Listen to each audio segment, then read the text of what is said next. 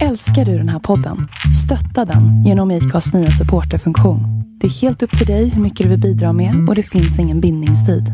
Klicka på länken i poddbeskrivningen för att visa din uppskattning och stötta podden.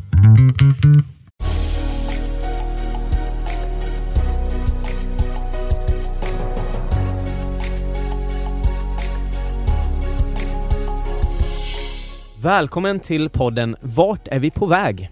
I denna podd intervjuar vi sociala entreprenörer och andra personer som är involverade i ekosystemet kring socialt entreprenörskap. Vi vill ge dig som lyssnare tips och inspiration till hur innovativa idéer och entreprenörskap kan vara lösningen på de samhällsutmaningar som vi står inför. Vi vill även inspirera människor till en livsstil med hållbara vanor och vi vill självklart lyfta fram alla fantastiska sociala entreprenörer i rampljuset.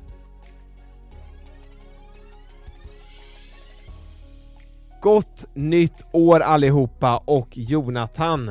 Tack Jon, gott nytt år till dig med! Ja, välkomna till årets första avsnitt! Men det är ju inte vårt första utan vi har ju flera godbitar att lyssna på bakåt i tiden. Idag har vi haft med en av grundarna till taxifenomenet BZD, Örjan Jansson.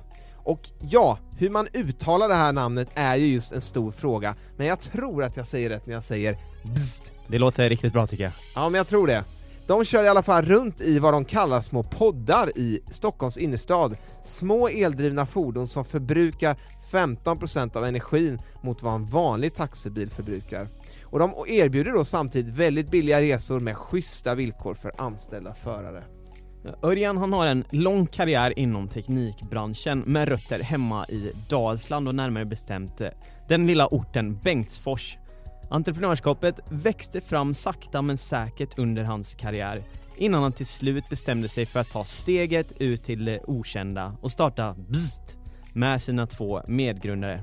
Det här blir ett väldigt spännande avsnitt. Vill också passa på att be er alla att betygsätta våran podd på iTunes och skriv gärna en kommentar. Samt att följa oss i våra sociala medier på Facebook, Instagram och LinkedIn. Nu kör vi! Välkomna till dagens avsnitt Jonathan, nu sitter vi här igen. Ja precis, det var ju faktiskt några veckor sedan vi var här och spelade in podd. Ja precis, vi var ju iväg här under hösten och spelade in lite avsnitt på annan ort och annan plats, så det är alltid kul att komma tillbaka till Clarion Sign här i Stockholm. Ja exakt, vi trivs ju väldigt bra här och vi är väldigt glada över idag ha med oss Örjan Jansson från BIST med oss. Välkommen hit! Tack så mycket! Hur är läget med dig? Det är bra, det är bra. Det är ju eh, fredag råkar det vara också. känns lite ännu bättre. Mm. Hur ser en typisk dag ut för dig? En typisk dag? Ja, då eh, om man börjar riktigt från början så lämnar jag mina barn på förskolan och eh, antingen åker jag in till eh, stan här. Vi har vårt, eh, BIT har sitt kontor här inne på Sankt Eriksplan. Antingen där eller så jobbar jag hemifrån ibland och eh, jag ringer och pratar med ganska mycket kunder och eh, andra människor i branschen, transportbranschen. Vi gillar att försöka få till olika typer av samarbeten. Så det är vad jag jobbar jag ganska mycket med. Och eh, sen är det naturligtvis att försöka bygga upp bolaget. Eh, det är eh, en annan del av bolaget eh, sitter i Göteborg. Det var där vi började faktiskt. Och, så det är ganska mycket kontakt med dem. Det är väldigt mycket Skype och Slack-möten som vi kör eh, tvärs över landet.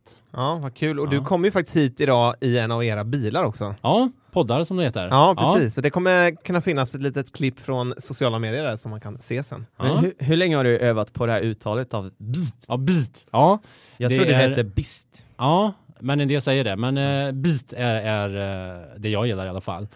Är det så här Eh. första frågan på anställningsintervju bara, Ja. hur, vad tror du att vårt företag heter? Just det. Antingen får det gå den vägen ut eller så stanna. Eh, ja, eh, det är andra frågan faktiskt. Men eh, det är inte så svårt. Det, man behöver tänka på är att man behöver ta i när man säger det. Så det är väldigt bra med de här spottskydden som ni har på mickarna här. Vi kommer komma in lite mer sen i samtalet kring företaget och allt det som vi är jättenyfikna på att höra. Men Mm. berätta lite kort idag, vad är din roll och vad gör ni med eh, BZD? Ja, jag är då, ja snyggt uttalat förresten. Ja. Eh, jag är då en av de tre grundarna tillsammans med eh, Sven Wolf eh, som är vår vd nu och Per Nyrenius som, som eh, har varit vår marknadschef. Men jag har rollen som R&D director eller utvecklingschef. Så tittar mycket på var är vi på väg någonstans, lämpligt nog då, eh, i vårt bolag. Hur ser vi till att vårt bolag är relevant in i framtiden? Eh, vi vill verkligen ligga i framkant och eh, både vilka tjänster vi erbjuder och vilken teknik vi har och så vidare. Så att både affärsmässigt och eh, partnermässigt och teknikmässigt försöker jag ha fokus på. Då. Mm. Så det är ganska mycket min roll. Och sen är det ju som en, en, grundare så, så är det en hel del saker kring själva bolaget. Hur vi ska strategiskt tänka och utveckla det och, och, och så vidare också. Då. Mm. Ja. Är det här din eh, drömroll? Ja, men det är faktiskt nära min eh, drömroll. Det låter som en väldigt rolig roll. Ja, men det är det verkligen. Det är alltså att titta på möjligheter eh, väldigt mycket och, mm. och, och framtiden och, och, teknik som jag gillar. Och vad är er affärsidé då, i korta drag? Mm. Den är att eh, förbättra transporter för städer. Eh, så att transporterna blir, eh, eh, tar mindre plats, det blir mindre trängsel i städerna. Det är ett väldigt stort problem runt omkring i världen. Eh, utsläppen, minska dem och göra det billigare och smidigare att eh, resa i städerna. Så vi försöker utveckla någonting som, som passar i städerna och passar människorna som bor i städer. Eh, det vi har idag är inte optimalt. Så där ser vi en möjlighet att göra någonting mycket bättre. Och det kommer resultera i att eh, dagens, många av dagens fossila personbilar de är för stora. Det sitter 1,3 personer i snitt i, i personbilarna i Stockholm. Eh, och bilarna är gjorda för att köra 140 km i timmen och vara krocksäkra och ha en hel familj i bilen. Men, men i stan så är de så tomma då. Eh, så där finns det ju en väldigt naturligt sätt att välja ett annat typ av fordon för stadstransport. Då. Eh, och med det här så vad vi kan åstadkomma med, med det vi utvecklar nu det här har några, ett europeiskt initiativ som heter Mission Innovation räknat på. Och de har kommit fram till att 2030 eh, med det här konceptet så, så kan eh, man sänka koldioxidutsläppen i världen med 64 miljoner ton per år. Och det är alltså mer än hela Sverige eh, släpper ut årligen. Och då gäller det att det här konceptet kommer till väldigt många städer eh, tar en viss marknadsandel och så vidare. Men det, det har de beräknat som... som och konceptet är just de här mindre bilarna då som... Ja, som är helt eldrivna. Liksom. eldrivna. Mm. Mindre bilar. De här fordonen, de, eh, de eh, gör åt ungefär 15 procent av energin jämfört med en eh, vanlig taxibil. och släpper ut, alltså de släpper inte ut någonting från eldrivna, men om man räknar klimatavtrycket, om man beräknar hur mycket det kostar att producera fordonet och så vidare, så är det ungefär 5 procent jämfört med en personbil. Wow. Så och ändå kan de göra samma jobb i ja. princip i stan. Mm. Ja men vad spännande. Mm. Vi ska få höra mer om det lite längre fram och hur ni har byggt upp eh, bolaget. Ja. Mm. Men vi, först är vi väldigt nyfikna på att höra lite mer om eh, dig Örjan. Mm. Eh, din dialekt är lite så här svårplacerad tyckte jag när vi träffades här första gången, men var, var kommer du ifrån från början? Jag kommer ifrån Bengtsfors som ligger i Dalsland. En ganska liten ort där. Eh, men väldigt vacker vid, eh, vid, vid en sjö som heter Lelången och eh, bland skogarna och, som är där. Så där växte jag upp och sen så flyttade jag därifrån när jag började högskola och så vidare. Hur var det att växa upp där då? I Dalsland? Man hör ju faktiskt inte så mycket om Dalsland. Nej, måste jag säga. Det stämmer. Så därför behöver man alltid förklara lite extra. Men det, jag tror att det är, det är ingen riktigt stor stad i Dalsland sådär. Men det var lugnt, lite för lugnt i en liten ort. Men ehm, jag eh, hade kul. Eh, det, var, det finns eh, mycket mopeder i Bengtsfors. Och jag hade mopeder och mecka med det och båt och, och um, Ja, så det var där liksom teknikintresset ja, kom in tidigt? Liksom. Ja, jag tror det. När jag tänkte efter nu, när jag fick den här frågan så, så tror jag det var så jag började bli lite ingenjör där på grund av de grejerna och lego förstås. Och så det är lite den här stereotypa bilden man har av lite mindre orter. Vi, jag och Jon är ju själva från en lite mindre stad men ja. det är mycket mecka och mm. bilar sådär. Faktiskt, faktiskt. Var det något fall... annat som intresserade dig med sport eller skola? Eh, ja men jag tyckte väl att eh, det var ganska intressant i skolan med, eh, jag gillade matte och de, naturvetenskapliga ämnena. Jag provade lite olika sporter men, men eh, tyckte det var roligast att åka vattenskidor och, och eh, sådana enklare grejer. Enklare eh, grejer, det är lite ja. mer jobb ändå med att få till en vattenskidtur än att spela fotboll. Det stämmer väl i och för sig. Men hur, din familjesituation då? Hur, mm. hur såg den ut och hur ser den ut idag? Jag är storebror och har en uh, lillebror som, som är sju år yngre och uh, vi har två föräldrar. min mamma hon jobbade på Konsum och och hela livet typ. Och min pappa inom en verkstadsindustri var han arbetsledare där. Det var något som blev Samhall efter ett tag och så.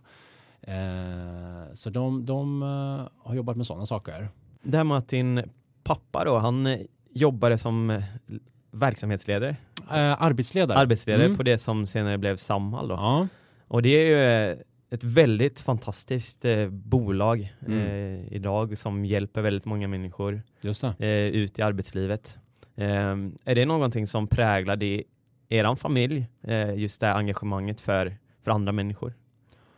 Ja, nu när du säger det så eh, gör det nog det. Det kan man väl säga är en värdering som jag har fått med mig väldigt starkt att, eh, och tidigt att eh, jag vill göra någonting som hjälper andra.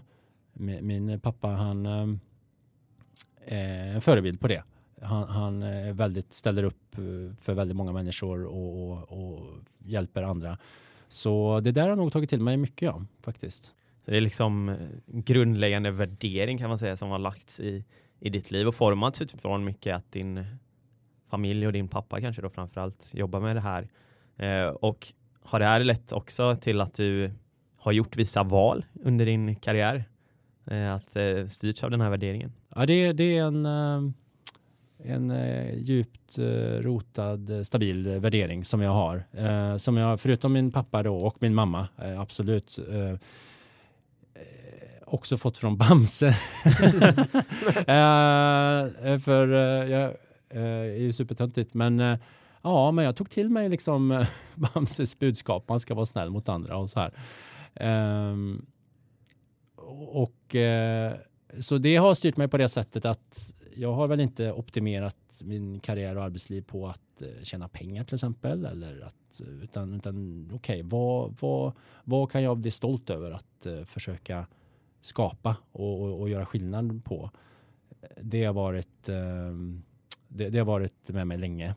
Och så det har nog styrt mina val ganska mycket. Och jag har också tänkt så här att jag, jag, är inte den naturliga natural born entreprenör utan jag har behövt eh, lära mig mycket, kämpa med att våga ta risker och, och um, för jag är inte så riskbenägen eh, naturligt utan eh, därför har jag också jobbat i andra startupbolag för att få en lagom läroresa mm. innan jag nu då, det här är mitt första jag, jag har kört egen konsultfirma men, men det är liksom första servicetjänstebolaget som, som är med och startar. Mm. Mm. Du tog ju ändå en risk kan man säga, eller du chansade när du flyttade från Bengtsfors mm. och då gick flyttlasset till Göteborg.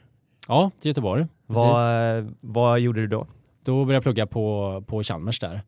Eh, teknisk fysik läste jag då. Teknisk fysik är en väldigt eh, tung eh, linje har man ju hört från andra. Mm. Vi har haft några andra här i podden som just har läst den också. Mm. Vad, vad är dina största lärdomar från den tiden, både studiemässigt och kanske kring studierna? Jag kan ju säga sen jag slutade där så har jag nog eh, inte löst en enda integral faktiskt. Det är otroligt mycket saker jag lärde mig det som, som jag inte använt rent eh, så här, på det sättet. Det är just att kunna fysik eh, ger mig en slags eh, grundläggande förståelse för väldigt mycket inom teknik.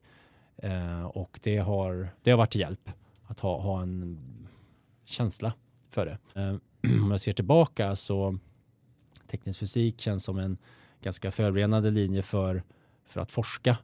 Eh, ska man ut i arbetslivet som ändå jag tror de flesta går iväg till så hade det varit fantastiskt att ha kurser i projektledning och andra saker nu när jag ser tillbaka. Eh, det är säkert annorlunda idag då, men och efter plugget, var, var det självklart vad du ville göra då eller var det så här, hur var känslan när du var klar? Då var jag inne på att eh, jobba inom hållbarhet kan man säga. Så jag eh, sökte några jobb inom det och fick inte det utan jag landade hos Ericsson i Stockholm, i Kista och tänkte att okej, okay, eh, det är väl bra att eh, ändå ta ett jobb inom eh, ämnet som jag har studerat så länge. Och, ehm, och det var det. Det var, det var bra att befästa saker och ting och jobba, jobbade med hur man, utveckling av ehm, chip, mikrochip. Det fanns en fabrik i Kista tidigare som tillverkade. Det känns väldigt 90-tal att säga mikrochip. Ja, eller hur? Men just hållbarhet, du ville ha något hållbarhetsjobb. Fanns det en som begrepp? Väldigt lite, det var väldigt få. Jag kommer ihåg eh, Sapa som är, gör aluminiumprofiler. De hade någonting, men det var ju väldigt skralt alltså. Så att idag är det en helt annan sak. Mm. Och vad var det av efter Ericsson? Fick du nog av mikrochippen? Ja, men jag fick nog av mikrochippen.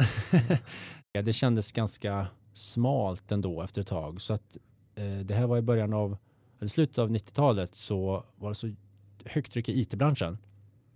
Och hade många vänner där och allting hände där och det var, verkade vara så kul.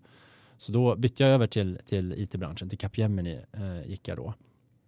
Och sen dök eh, it-branschen eh, där i början av ja. 2000. Eh, men jag var kvar i, i nio år ungefär och, och jobbat med, med mycket mjukvara då. Och projektledning inom, inom det. Så det var också nyttigt, en bra bit att uh, ha, ha jobbat med. Hur har känslan varit om man ser generellt under dina år i arbetslivet? Har du känt att du har hittat dig själv och din roll eller har du hela tiden fått leta efter vad du vill göra? Ja, bra fråga. Jag har nog eh, behövt leta tror jag. Att um, jag tror jag har önskat och velat en del saker som jag kanske inte känt att jag jag kan inte de här grejerna. Jag, jag, det är inte riktigt jag så, men ändå velat. Så att jag har försökt. Det var då jag efter Capgemini eh, eh, gick in i ett bolag som heter MyFC. Eh, MyFC eh, som är baserat i Stockholm, en startup när det bara var tre personer i det bolaget som gör bränsleceller. Eh, och eh, det var ju verkligen då en startup-miljö. Så det kändes som ett, ehm, ett, ett, stort steg från ett storbolag och, och, och in i ett sånt litet sammanhang. Ehm, men jag ville eh, testa hur, hur, jag kunde funka där då. Så det, det, har inte varit självklart eh, att hitta sin plats. Eh, och känner väl att idag är mycket, mycket mer på rätt plats men, men ändå inte färdig på något vis. Så där känner jag inte riktigt utan det, det är formbart fortfarande. Mm. Mm. Vad var det som förde dig in och starta eget och driva liksom den biten då? För du har gjort en del konsultjobb och sådär. Ja. Ja men det var också efter Var att... det också ett steg i den här ja, processen att frigöra dig som ja. Eh, entreprenör? Kanske? Ja, ja, ja mm. men uh, faktiskt. Att det var ett naturligt steg. Jag fick Eh, jag var ungefär tre, fyra år på MyFC och sen så fick jag barn och i samband med det så, så bestämde jag mig också att nej, nu, nu testar jag att köra egen eh, låda. Och eh, eh, av flera anledningar att lära mig mer om, eh, ja men då driver man sitt lilla egna bolag ändå i miniformat och eh, kan skaffa sina egna olika kunder och kanske träffa ett antal olika kunder och på det sättet också hitta, hitta ännu mera rätt vad jag skulle jobba med. Så det blev ett ganska naturligt steg så tyckte mm. jag. Vad skulle du säga till eh, personer som är i runt din egen ålder som kanske har varit på samma arbetsplats i 10, 15, 20 år men som kanske bär också på den här inre längtan. Man kanske inte har hittat sig själv i det man gör och vill någonting annat egentligen. Mm. Hur, hur, kan man lyckas eh, våga slå sig fri från den situation som man är i? Eh, ett sätt är ju att, ehm, som jag tycker är bra, det är ändå att försöka men, ta sig till ett bolag där miljön är ungefär vad man kanske tror sig då. Eh, att är det en startup så kan man börja jobba i en startup. Eh, det är väldigt mycket man kan snappa upp och lära sig i, i den miljön då. Utan att för den delen behöva ta hela grundaransvaret. Um, men jag tycker absolut i alla fall att uh, lite det som du är inne på att man mm, det är ju vettigt att följa sin, uh, sin sitt driv eller vad, vart man vill åt. Att, uh, jag tror man alltid är nöjd att man ändå provar. Och eh, ofta så kan man ju komma tillbaka eller byta tillbaks igen. Sådär. Så att eh, ja, mm, man ska försöka våga helt, helt enkelt. Men det är inte lätt. Det är mycket som ska kännas mm. tillräckligt mm. bra i alla fall. Och eh, man får vara beredd på att eh, det inte blir bra. Blir bra. Eh, men eh, inte vara rädd för att man, det löser sig ändå. Om du skulle se tillbaka till ditt 20-åriga jag och just det här, du hade väldigt stort fokus kring att liksom lära dig mycket teknik och fysik och, och mm. de här bitarna. Så, och du sa det att det var kanske inte så mycket projektledning och sånt där. Mm. Om det är någon liknande sits idag, mm. vad skulle du tipsa en sån person att få med sig mer för att mm. liksom kanske öppna sin framtid lite mer? Just det. Ja, men eh, det är nog eh, det, det, är verkligen för, för, att skaffa sig möjligheter. Man kan ju naturligtvis bli eh, ta expertspåret att bli expert på någonting och då, då är man, blir man värdefull och kan. Men om man vill ha kanske lite mer eget, eh, ha mer öppna möjligheter, då, då är det verkligen att eh, träna på sina förmågor att nätverka och kommunicera och beskriva saker och ting och, och ja, men sälja in sig själv lite grann och eh, ha, ha, ha en, en bra attityd som, som är eh, gynnsam. Eh, där man är beredd att ta i och, och, och, och eh, ställa upp och våga lite saker. Så jag tror de mjuka delarna spelar stor roll eftersom eh, det är, det är bland andra människor som man, som man bygger nya affärer och möjligheter och kommer överens om saker och ting. Så det liksom den tekniska delen och uppfinningen och innovationen det är ändå mycket den lilla biten. Jakob eh, Rudbeck som är grundare av Jepster hade vi här i podden för ett tag sedan. Han hade mm. Eh, ett sätt som han brukade tänka och som han lärde ut här som är preparedness for opportunity. Alltså oh. att man ska vara förberedd när en möjlighet liksom dyker Just upp så att man inte ska mm. känna några hinder mm. Eh, att hoppa på den möjligheten så att verkligen förbereda sig vad det kan vara. Det kan vara de mjuka grejerna, det kan vara kommunikation, mm. det kan också vara hårda skills som kanske lite dataerfarenhet eller vad det nu kan vara. Mm. Jag tänkte lite, du har ju tagit det här steget till slut och eh, efter en tid som konsult så startade du ju BISD. Tror jag sa rätt nu. Ännu snyggare, ja. eh, och eh, hur, kom, hur kom det liksom igång? Vad, vad hände? Ja, historien eh, som den var ehm, var att det, det, började på en fest, en, en, en eh, inflyttningsfest hemma hos mig faktiskt, där, där eh, Sven, eh, som som en gammal god vän, var och eh, han fick precis upp ögonen för, eller fick tips om Uber som hade kommit till Stockholm då.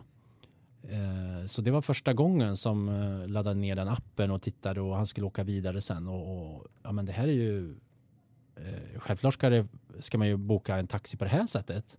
Eh, och ser vart man är och, och, betalningen. Man behöver inte fippla med den när man ska gå ur. Och, och, och, ja, men det var så många saker på en gång som var taxi digitaliserat. Eh, Uber då kör ju omkring med helt fel fordon. Sven då som kommer från Lerum, där, där eh, utvecklar man de här poddarna som ni såg idag. De heter Clean Motion det företaget och håller till där. Så att Sven kände till de här fordonen och, och la ihop de här två den kombinationen att eh, det är klart man ska maximera digitaliseringen i den här branschen. Det finns så mycket, finns så mycket optimering man kan göra inom transport. Eh, och så för man in en rätt typ av fordon som är, inte har några utsläpp. Så så föddes kan man säga idén att ja visst, det är ju det här som behövs. Eh, och sen har vi förfinat och liksom utvecklat det vidare. Då. Ja, så spännande. Mm. Så det var eh, det att tacka Uber då egentligen? Ja, tack Uber. Mm. Kanske hade kommit någon annan annars ja. till slut. ja, till slut så hade det gjort det. Mm. Ja, precis. Eh, och du var inne på det lite i början av avsnittet, men vad är det ni då vill erbjuda för något? Jag har läst någonstans att ni vill erbjuda billig taxi samtidigt som att det är bra villkor för förarna. Det är väldigt viktigt för er, ja. har jag förstått det som. Stämmer. Berätta lite om det. Ja, vi kan man säga, när vi bestämde oss att starta det här bolaget, då skakade vi hand på att vi vill göra det här på ett bra sätt. Vi designar det här nu så som vi vill ha det. Vi vill inte bygga upp eh, ett bolag som eh, drar nytta av eh, andra människor på ett dåligt sätt. Så därav var det ganska självklart att ha bra villkor för förarna och det landar i kollektivavtal ändå. Då. Så, så, men den värderingen är, är vik, viktig för oss. Uh, sen är det en tuff uppgift i också i en startup i alla bolag att, att sköta personalvården eh, jättebra. Att alla är nöjda och glada och får komma till tals och så vidare. Men vi försöker ha en hög transparens inom bolaget också. Att det inte är alla ska veta det mesta sådär och, vi, vi, och det är en jätteskön stämning borta i vårt garage. Eh, folk hjälper varandra och, och um, det, det, det, den för personkulturen försöker vi uh, odla ändå. Och sen så vad är det också en del i den här branschen nu då som vi jobbar i att det är stor andel dålig, dåliga villkor för eh, personer. Det är mycket svarttaxi, det är många ja, men ganska underbetalda. Det blir väldigt låg timpeng till slut för, för taxichaufförer. Så det är någonting vi ville lyfta, förbättra. Mm. Och sen så har ju ni också en lite speciell grej som ni var först ut med ändå, att ni sätter stora skärmar på taket mm. där det löper digital reklam. Och även nu som vi fick se här idag när du kom så är det en stripad taxi också. Det finns ju mm. andra som har också. Men just den här skärmen, hur togs det emot och hur kom det till? Liksom? Ja, Ja, men den eh, hade vi... Eh, man kan se dem där eh, mer i andra länder. I, I, Sverige har man sett statiska skyltar, men varför inte digitalisera det också då, tänkte vi. Och eh, det finns naturligtvis en affärsmässig del i det hela att eh, ha ytterligare inkomster på, på, på vad vi redan gör. Att de här fordonen är ju väldigt synliga och reser runt i stan, täcker mycket yta och eh, därför så blir det väldigt mycket exponering av, av, av det här. Då. Och eh, därför så lät det väldigt rätt att göra det och vi funderade på varför ingen annan gjort det. Men det var, vi hörde oss för, det var lite problem. Det drar en del el och stökar lite med systemen i bilarna och ingen som riktigt tar ansvaret för dem där. Men det är ju också en del när vi äger våra egna fordon, vi äger, alltså inte äger, men vi anställer vår personal så, så har vi full kontroll över allting. Och då kan vi sätta på skyltar och sköta det själva på det sättet. Och det blir en jätte, jättebra grej. Vi eh, får större och större affärer och, och väldigt nöjda kunder som slåss om allas uppmärksamhet. Att man behöver ju hitta nya sätt att märkas. Ja, precis. Och, jag, jag mm. såg ju här tidigare höstas när den här It-filmen hade premiär. Mm. Då var det en hel sån där podd eh, utklädd, eller vad säger man? Ja. Utsminkad med, eh, med den designen och ja. med den filmen. Och även en Pikachu som åkte runt här Just det, precis. Så ja. det är ju verkligen lite ny, nytänk där. Ja, men det är det. Vi, har, eh, vi började försiktigt, men sen har vi släppt alla fördämningar och gör massa galna saker för att det ska bli annorlunda och, och roligt. Vi har haft Playstation i, i, i några av fordonen och eh, ja, det kommer mer knasiga saker framöver här. Eh, vi har kört för Tekniska museet och haft en robotvariant. Och, ja, det, det är väldigt många varianter och det, det är ingen annan som riktigt har vågat göra det eller gjort det. Och, mm. och, men det, det är väldigt uppskattat. Jag kan tänka mig att i en startup att det är så att man ställs inför väldigt många möjligheter, mm. erbjudanden mm. kanske, eh, när man är lite hypad. Mm. Men hur resonerar man kring vad man ska tacka ja till och Just vad det. man ska satsa på? Ja, det är en jättebra fråga. Så är det ju verkligen det finns så många eh, möjligheter och de är ju luriga att värdera. Det kan vara någon ny eh, eh kund eller, eller alltså någon, någon, ny partner eller, som man kan koppla sig till och så vidare. Men oftast är det ganska stort jobb att göra det också. Är, är det verkligen värt det? Betalar det sig och så vidare. Så att, det är ju väldigt många sådana bedömningar. Men vi har eh, mer och mer anammat ett, en metodik som heter Lean Startup, som ni kanske känner till, som tacklar det här en del kan man säga. Då har vi ändå, då bygger vi oss en hypotes att eh, vi tror vi att det här kommer att bli bra. Då gör vi ett litet test på det och så får man se om man kommer gå vidare från det eller inte. Och då, då åtminstone spenderar man begränsat med resurser på, på ett spår eh, utan att gissa för mycket genom den metodiken. Då. Så det är ett sätt att värdera olika möjligheter. Just det, så innan ni gör alla taxibilar till, eller poddar till Pikachu så Ja. testar ni på en. Ja, lite så. Men berätta Lite lite kort det här lean-processen. Startup. Ja Mm. men precis, för Mm. att eh, alla vet säkert inte vad det är. Nej. Ja, men det är en, eh, en, eh, får man väl ändå säga, vetenskapligt baserad eh, metodik som har visat sig när man har eh, tittat på vilka företag lyckas bra med sin utveckling och så vidare. Eh, vad har de gemensamt? Och så har man hittat det här arbetssättet. Så det, det är faktiskt ganska väl dokumenterat då. Men eh, grunden är ungefär att man ska ta lagom stora iterativa steg och eh, man ska inte bara gissa då, utan man ska göra riktiga tester på någonting. Man har en hypotes. Vi tror att kunder gillar det här. Ja, då gör vi. Då tar vi fram en, eh, en, en, en låtsaspryl eh, och så visar vi det för några kunder. Och, ja, så man simulerar låtsasgrejer och så gör man det i lagom stora steg. Går det första bra så tar man nästa och så vidare och så vidare. Då. Så att eh, tanken är att man eh, ganska snabba iterationer eh, snabbt får reda på ifall det här inte funkar. Fail fast liksom eh, sådär.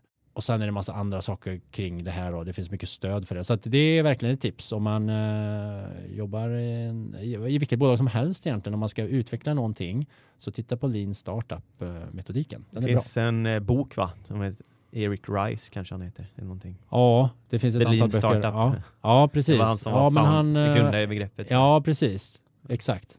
Eran finansiering då för att kunna eh, ha råd med det här kalaset Mm. och de här eh, nya eh, sätten att ta sig fram. Ni har ju kört bland annat via crowdfunding Mm. och det är lite intressant att veta hur har ni lyckats med det och hur har ni byggt upp den, den Mm. processen? Den här crowdfunding gjorde vi i Stockholm då för att av två syften. Dels att få in kapital men också att få många kan man säga delägare, ambassadörer som för det är också en modell som vi verkligen gillar, attraherade av att, att det är många stockholmare som också äger oss som, som far runt här, som, som vill att det ska gå bra och känner, känner delaktighet.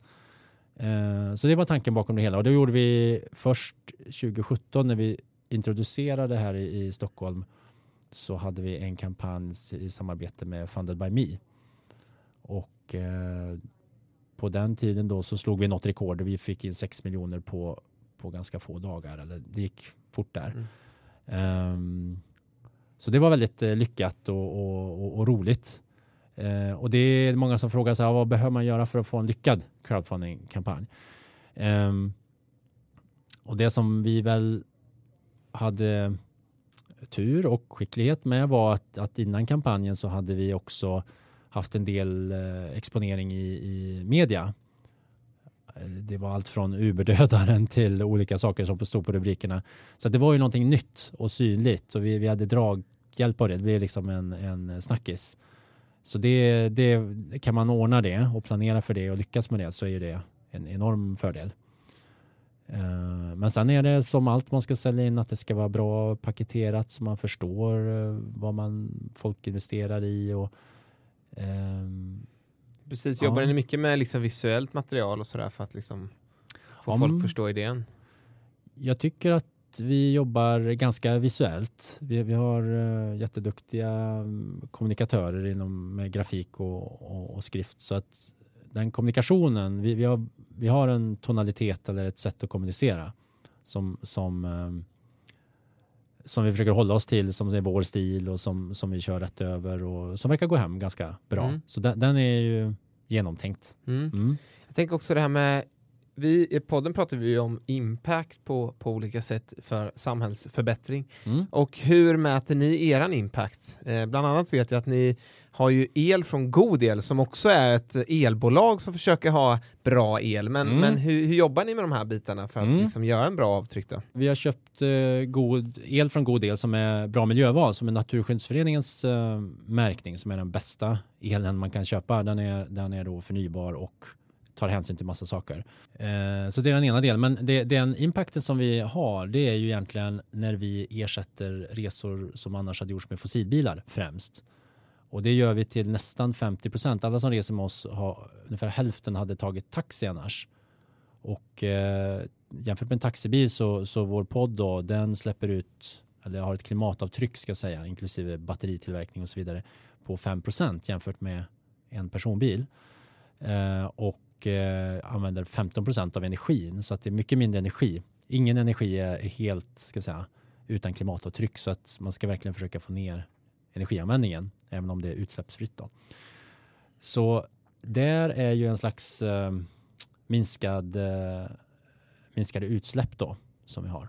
Men sen annan impact som, som, som vi kommer att ha för hela staden. Vi försöker designa någonting som är bra för städer. Fordonen, de här poddarna, de är ungefär en tredjedel så stora som en personbil. Så skulle man byta ut bilarna här i stan till poddar så skulle vi ha liksom två tredjedelar mer plats på gatorna mm. och parkeringsplatserna i ett slag och ha, ha ungefär lika mycket möjlighet att transportera personer eftersom det är 1,3 personer i varje personbil. Så eh, där kan vi lätta på trycket i städerna på det sättet. Och eh, ett annat problem med eh, ska säga, Ubers och även taxibolagens modeller är att det kan bli väldigt mycket eh, överskott av bilar i stan som väntar på körningar. För det är helt frivilligt att komma in och köra i stan. Medan då vi styr hur många vi, vi släpper ut på gatorna eh, så att vi möter lagom efterfrågan. Men det finns i Stockholm inte allra värst, men i New York vet vi att där är det jättestort problem med för många Uberbilar som bara åker in och väntar på att få köra, eh, få körningar. Du sa innan kanske där, men att det är 4 öre per meter och vid köer och sånt så kostar det inget extra och det är inga startavgifter. Och det här är ju väldigt unikt på sitt sätt också då. Mm. Eh, och det här är väl också i det långa loppet kan jag tänka mig att det är möjligt att göra så för att ni också har då andra intäkter, bland annat via marknadsföring och sånt. Så det blir ju ett smart sätt att få befolkningen att åka billigt och enkelt, mm. men samtidigt så har ni, ja, man har råd att bedriva en sån verksamhet. Då. Ja, men precis. Som klassiskt sett har inte gått helt enkelt, nej, för det, det kostar för mycket. Då. Just det. Och om man blickar framåt då, vart ser ni er själva om tre till fem år? Ja, men då har vi, ehm, då har vi tagit det här konceptet och startat i ett antal andra städer jag hoppas på flera kontinenter också, men definitivt i Europa och USA så eh, finns BIT som kör ehm, små fordon och ehm, och hela det konceptet eh, kallar vi för minimobilitet till skillnad från mikromobilitet som är, som är sparkcyklar och eh, eh, cyklar kan vi säga som ju är, har verkligen har sin plats i trafiken men eh, dels är man mer oskyddad eh, för väder och, och, och, och, olyckor på ett sätt. Eh, men i en minimobilitetsfordon så kan du åka som en, som en ett, eh, reguljär bil. Men eh, den är bara mer kompakt helt enkelt. Eh, så därför så tycker vi att det finns en ny typ av, av lager som är mitt emellan vad som finns idag och som är mycket mer optimerat för, för städerna. Eh, och det konceptet hoppas vi rulla ut i många, många städer och att det ska bli väldigt vanligt och att sådana fordon ska bli mycket vanligare. Att fordonstillverkarna kommer att se att det här är ett bra stadsfordon. Eh, det kommer ju fler och fler. Vi har svenska Unity och eh, Renault och andra tittar på mm. kompakta fordon. Mm. Så um, det tror jag ska bli väldigt vanligt och att vår modell med att ja, kombinera med reklam och att ha schyssta villkor ska befästas ordentligt. Vi, vi kände, det är en annan impact som vi vill göra. Det är att visa att det går att bedriva den här verksamheten fast med schysstare villkor. Förhoppningsvis kan det minska antal människor som jobbar under sämre villkor. Skulle du säga att ni är ett impactbolag? Vill du sätta den labeln på er själva? Ja, det vill jag nog göra. Uh, vi, vi, vi det, det, står väldigt högt upp för oss att, att, att ha en impact, att göra en skillnad, verkligen. Vad, vad är det för dig att vara ett impactbolag? För mig är det för mig är det att man tänkt till från början och ska vi säga designat någonting som man vill förändra till det bättre. Att det är inte bara en eh, möjlighet att, eh, jag säger bara, men en möjlighet att, att eh, tjäna pengar på, på, på någonting utan det är faktiskt man vill lösa någonting, förbättra någonting då. Eh, och samtidigt behöver det vara kommersiellt och så. Så det är väl ett eh, impactbolag för mig. Vad är drivkraften för dig att jobba med impact? Nej, men jag väljer ju det för att eh, för att jag ska, jag ska kunna känna att jag, att jag gör en skillnad för andra människor. Ja, det kommer tillbaka till det som vi pratade om. Jag vill inte missa att göra det. Jag vill inte jobba färdigt med arbetsliv och så har, har jag inte gjort det här. Är det Bamse som sitter på ja, din, det är eh, din Bamse som... axel? eh, exakt. Eh, Det är den goda fen på, på axeln där liksom. Precis. Men Mm. eh, ni, ni med BIST, BIST Mm. Löser ju eh, det här med klimatet kanske framförallt. Mm. Eh, för personligen för dig, vilka samhällsutmaningar eller vilken samhällsutmaning är det som ligger mest på ditt hjärta som du brinner för? Ja, det är nog ändå klimatdelarna, har alltid varit och jag kommer ihåg att jag liksom, det finns verkligen många utmaningar i vårt samhälle och världen. Eh, väldigt mycket sociala och det blir svårt att lösa klimatutmaningarna utan att lösa mycket rättvisefrågor och, och så vidare. Så, men jag har resonerat så här att det finns jättemycket sådana saker att lösa men det som aldrig kommer vara bli tokigt det är att försöka förbättra för klimatet. Alltså det är det som vi är grunden för att vi kan existera på planeten jorden. Ja, men det, det är liksom untouchable. Det, det, det, det, är något, det är något som bara är bra att försöka få det att, att må bra, vår, vår planet och, och alla våra naturresurser och, och så vidare. Så därför har, har, har jag tyckt att det är ett väldigt säkert kort att satsa på. Det kommer alltid vara helt rätt. Era förare, beskriver ni det här som ett instegsjobb också? Så att ni bidrar till att lösa den här liksom, kanske integrationsutmaningen som vi, som vi har i samhället idag? Ja, men det stämmer. Det stämmer faktiskt. Det är många nysvenskar och många som har sitt första jobb och många som högskolestudenter som jobbar extra hos oss. Så även om vi inte ja, säljer in det på det sättet så, så är, är det så. Första jobbet för många. Sen är det, vi har en förare som är, han är 70 tror jag.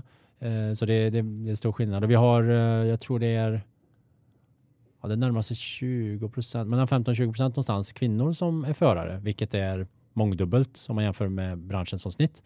Så det är också kul att vi lyckas fördela det bättre. Kanske också att ni kommer på ett nytt sätt i en traditionell bransch och gör om någonting. Det kanske också attraherar eh, vissa människor som annars kanske inte Mm. skulle välja den branschen. Ja, jo, Bara för att ni gör något nytt. ja precis. Eh, även att det kanske i grund och botten är samma yrke så är det ändå Just på ett nytt sätt. Då. Ja, jo, men det är saker som är på ett nytt sätt. Jag tror, ja, alltså våra förare kommer att träffa varandra i vårt garage. Man byter poddar ganska ofta och det, det blir som ganska stor social Mm. sammanhang ändå. Så det tror jag kanske eh, ja, attraherar kvinnor, eller viktigt för, för kvinnor lite mer. Jag vet inte om, om det spelar roll, men eh, det, de är ganska nöjda med att jobba Mm. hos oss. Mm. Mm. Mm. Och om man blickar ut på världen då, du säger att det här med klimatet är en stor fråga för dig. Hur tror du att världen och samhället kommer se ut om tio år? Vi brukar alltid ställa den frågan. Ja, Och då får du välja olika aspekter eller en aspekt att gå in på som du Mm. tror har förbättrats eller försämrats. Just det. Ja, Jesus, vilken stor fråga. Men eh, jag kan tycka så här att jag tror att det kommer hända mycket saker på tio år. Det är så många saker som sker i mera rasande fart hela tiden. Jag eh, är tyvärr li, har lite Eh, pessimistisk syn att det kommer vara ganska många vi, vi kommer att köra i botten ganska långt tror jag innan eh, stor, stor förändring sker. Vi är så fast i så många, eh, alltså maskineriet är så stort. Eh, det är så tröghet att, att göra förändringar så att även om liksom, forskningen visar på hemska klimatförändringar och så vidare så, så lyckas vi inte vända speciellt snabbt. Ehm, så det tror jag kommer orsaka att det blir Ja, det blir stora grupper av människor runt om i världen som får det väldigt mycket tuffare och svårare. Och, och det i sin tur kommer att påverka alla andra också. Eh, och att när saker och ting slutar fungera så tror jag att det blir mer dramatiska förändringar. Jag, jag tror att det kommer, saker och ting kommer att ske på mycket mer dramatiskt sätt. Tror du att vi måste då, som du var inne på lite, nå botten för att folk ska få upp ögonen på riktigt? Att den stora massan ska vakna?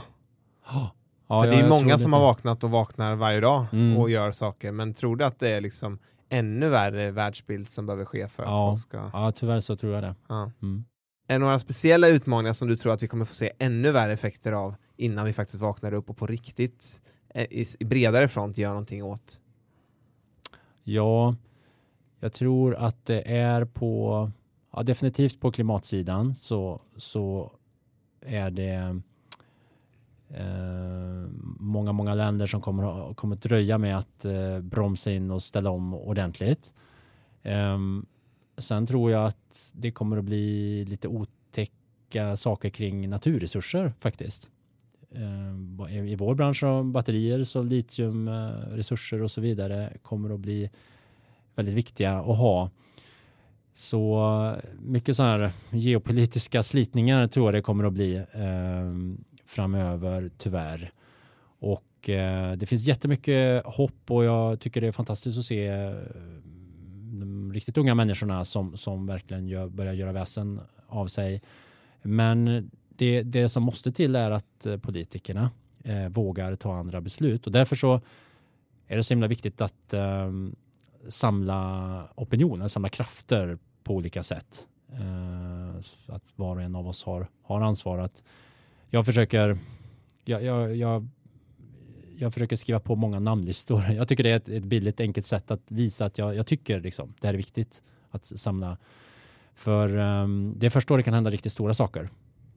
Genom vårt eh, samtal här idag, Örjan, så har vi fått med oss väldigt många fantastiskt matnyttiga tips från dig. Mm, okay. Och eh, vi tänkte gå in i avslutningen här av vårt samtal.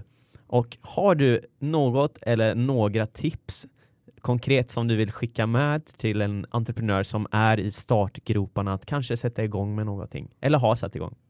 Jag kan repetera mina tips lite då. Lean startup, nätverka mycket. Försök att hitta investerare även, så, även om man inte investerar för tidigt så, så är det väldigt bra test att prata med investerare om, om det här verkligen är någonting som, eh, är, är, som kan flyga på ett bra sätt. Eh, och man behöver prata med många. Eh, inte tro på den första utan eh, väldigt många då. Och sen så ge sig på och prova helt enkelt. Eh, kanske, kanske man kan göra vid sidan av sitt vanliga jobb till att börja med. Och för att kunna lyckas att få någon att tro på en idé så, så, krävs det faktiskt ganska mycket paketering. Att man behöver beskriva det på ett bra sätt och lägga ganska mycket krut på det och förfina och beskriva skulle jag säga. Eh, mig vetligen finns det inget eh, perfekt recept för det här utan det är sådana komponenter och jag tror eh, jag inte kan komma med några unika tips egentligen. Men eh, det finns några grundläggande så. Man, man, det är vettigt att tänka igenom ordentligt från början och ifrå, liksom våga våga skjuta ner sin egen idé också samtidigt som man behöver tro på den. Ehm, ja, det var mina tips. Bra tips. Mm. Ett impactbolag som du tror lite extra på? Jag tycker, jag är väldigt imponerad av ett eh, bolag som heter Trine som har en fantastisk eh, affärsmodell och med stor impact och verkar exekvera väldigt imponerande. Ja, precis. Vi hade med dem här i förra avsnittet och de jobbar ju med att man kan som privatperson finansiera och investera i olika bolag som gör det möjligt för folk att få el i, i mm. u-länder mm. via solceller. Just det. Och det är egentligen när man tänker på det en väldigt intressant modell att om man har någonting, alltså eh, att, att uh, sätta solceller i, i de länderna är någonting som, som ger avkastning. Så har man en business som gör så där så skulle man kunna börja plocka in pengar på det här sättet till sin egen business. Ja. Och vem skulle du vilja se bli intervjuad här i podden? Vart är vi på väg? Jag tycker det skulle vara intressant. Det finns så många bra entreprenörer, eh, men eh, Eh, för att säga någonting lite annorlunda så tänkte jag säga Energimyndigheten. Eh, det finns flera personer där, men Andreas Dubelius till exempel driver ett ehm, ganska eh, innovativt arbete hos Energimyndigheten och stöttar många svenska bolag. Eh, oss bland annat. Vi har fått fina bidrag från Energimyndigheten och mycket hjälp därifrån. Bland annat bli introducerade i, i New York och så vidare. Så han kommer ha mycket bra att säga. Grymt. Mm. Stort tack för de här tipsen och samtalet i stort. Jag tycker det har varit väldigt lärorikt och intressant att prata med dig och få höra mer om vad ni gör med Bzt. Yes, där satt den! Ja, snyggt. Och eh, lycka till framöver här nu då. Vi står ju inför ett nytt år här precis. Mm. Har du något eh, nyårstips att skicka med som en avslutning här? Mm. Vi har ehm, många saker på gång. Vi kör det här Lean Startup som jag sa och eh, har jättemånga spännande grejer på. Men jag kan inte säga någonting om det nu. Det kan hända att eh, några av de här inte passerar. Men eh, följ oss gärna på, på Facebook till exempel så får man reda på när vi släpper nya grejer. För det kommer hända saker i, i nästa år. Och framförallt ladda ner appen Ja, så att man kan eh, Och- testa på. ja. Och ännu än så länge så är det i Stockholm just det. som det finns, men ni har ju planer att expandera så Ja. är man inte från städer. Stockholm så kanske man är här någon gång på besök och då kan man passa på. Ja, det bör man göra. Det är en annan upplevelse faktiskt. Ja, Mm. Kul! Lycka till! Tack så mycket ska ni ha. Tack. Tack så mycket för att du har lyssnat på dagens avsnitt. Glöm inte bort att följ oss i sociala medier. Vi finns på Facebook, Instagram och LinkedIn och även vår hemsida vartarvipavag.org. Och om du har möjlighet så får du jättegärna gå in och ratea våran podd på iTunes.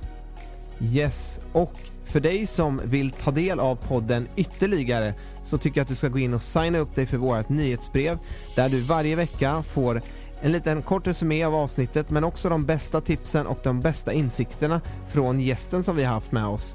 Eh, så om du har varit ute på språng och inte haft möjlighet att anteckna något så gör det ingenting utan du får det på ett mail veckovis. En riktigt bra deal helt enkelt. Så se till att signa upp dig så fort som möjligt så ses vi nästa vecka igen.